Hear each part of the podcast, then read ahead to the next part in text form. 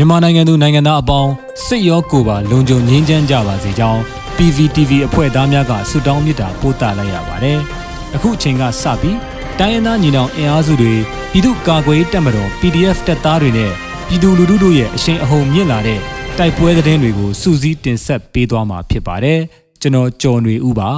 ။ပထမဆုံးအနေနဲ့ပလဲမျိုးပေါ်ရဲစခန်းနဲ့ထွေးအုပ်ရုံးကို PDF ဝင်တိုက်ပြီးရဲနဲ့စစ်တပ်ရဲ့ပစ်ခတ်မှုကြောင့်လူရှိဦးထက်မင်းတေဆုံးခဲ့တယ်ဆိုတဲ့သတင်းကိုတင်ဆက်မှာပါ။စကိုင်းတိုင်းရင်းမပင်ခရိုင်ပလဲမျိုးနယ်ပလဲမျိုးမှာရဲစခန်းနဲ့မြို့နယ်အထွေထွေအုပ်ချုပ်ရေးမှူးရုံးကို PDF ပူးပေါင်းတပ်ဖွဲ့ဝင်များကယမနေ့ညပိုင်းကဝင်ရောက်ပစ်ခတ်တိုက်ခိုက်ပြီးပစ်ခတ်မှုများကြောင့်လူရှိဦးထက်မင်းထိခိုက်တေဆုံးမှုများရှိကြောင်းဒေသခံများနဲ့ဒေသကာကွယ်ရေးတပ်ဖွဲ့များရဲ့ထုတ်ပြန်ချက်အရသိရှိရပါတယ်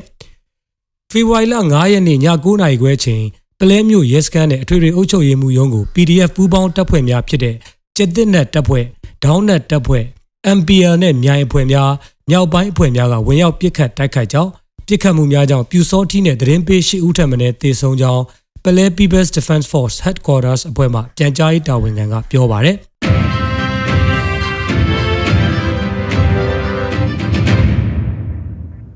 ဖားကံမနော့မော်နဲ့ကတ်မော်တိုက်ပွဲစစ်ကောင်စီတပ်တရင်မှုအပါအဝင် ရဟတ်ရင်ဖြင့်စစ်ကူရောက်လာတဲ့စစ်ကောင်စီတပ်ဖွဲ့များပါတေဆုံးတဲ့တဲ့ရင်ကိုဆက်လက်တင်ဆက်မှာပါ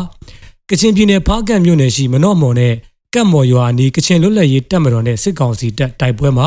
စစ်ကောင်စီတပ်မှ200ခန့်တေဆုံးခဲ့ကြောင်း KIA နဲ့နှီးဆက်သောသတင်းရင်းမြစ်များနဲ့ဒေသခံများထံမှသိရပါဗျ။ဖေဖော်ဝါရီလ3ရက်မှစပြီးတိုက်ပွဲများပြင်းထန်စွာဖြစ်ပွားခဲ့ပြီးစစ်ကောင်စီတပ်ကအထိနာတာကြောင့်ဖေဖော်ဝါရီလ9ရက်ညနေမှာရဟတ်ရင်များဖြင့်စစ်ကောင်စီတပ်တပ်သားများအကူပို့ထားတော့လေ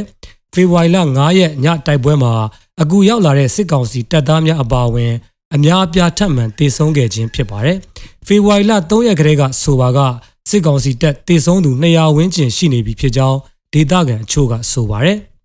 ။တီးတန့်စွာရွာနေတဲ့မိုးအောင်မှာယမနေ့ညတိုက်ပွဲမှာပြင်းထန်ပြီးမနေ့ကမှစစ်ကူထက်ရောက်လာတဲ့စစ်ကောင်စီတပ်သားအားလုံးနီးပါးတေဆုံးသွားကြောင်းလဲအခြားသတင်းရင်းမြစ်တို့ကပြောပါတယ်။ KIA တပ်ဖွဲ့ဝင်အချို့လည်းကြာဆုံးဒဏ်ရာရရှိခဲ့ကြောင်းလဲအဆိုပါသတင်းရင်းမြစ်ကဆိုပါတယ်။စစ်ကောင်စီတပ်ကအထိနာတာကြောင့်လက်နက်ကြီးများဖြင့်အချက်ရည်များစွာပစ်ခတ်တယ်လို့လေရင်များဖြင့်ပါပြည်သူများနေထိုင်တဲ့ကြေးရွာများကိုဘုံကျဲတာကြောင့်ဖေဖော်ဝါရီလ9ရက်မှာခရီးယန်တင်းအုပ်ဆရာတူနေအိမ်ဘုံထိမှန်ပြီးတင်းအုပ်ဆရာကွယ်လွန်ခဲ့ပါတယ်။ဒါ့အပြင်ဒေသခံအမျိုးသားတဦးသေဆုံးပြီးအမျိုးသမီး2ဦးလည်းဒဏ်ရာရရှိခဲ့ကြောင်းဒေသခံများကပြောပါတယ်။စစ်ကောင်စီတပ်မှတေဆုံးရုပ်အလောင်းများထဲမှာ အရာရှိအလောင်းများကိုသာလေရင်ဖြင့်တဲဆောင်သွားတယ်လို့လည်းမျက်မြင်တွေ့သူတချို့ကပြောပါတယ်။စစ်ကောင်စီတပ်ကိုအထိနာအောင်တိုက်ခိုက်နေတဲ့တပ်မှာ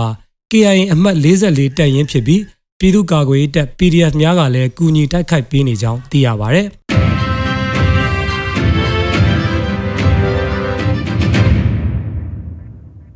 နောက်ဆုံးအနေနဲ့အမျိုးသားညီညွတ်ရေးအစိုးရပြည်ထရေးနဲ့လူဝင်မှုကြီးကြပ်ရေးဝန်ကြီးဌာနက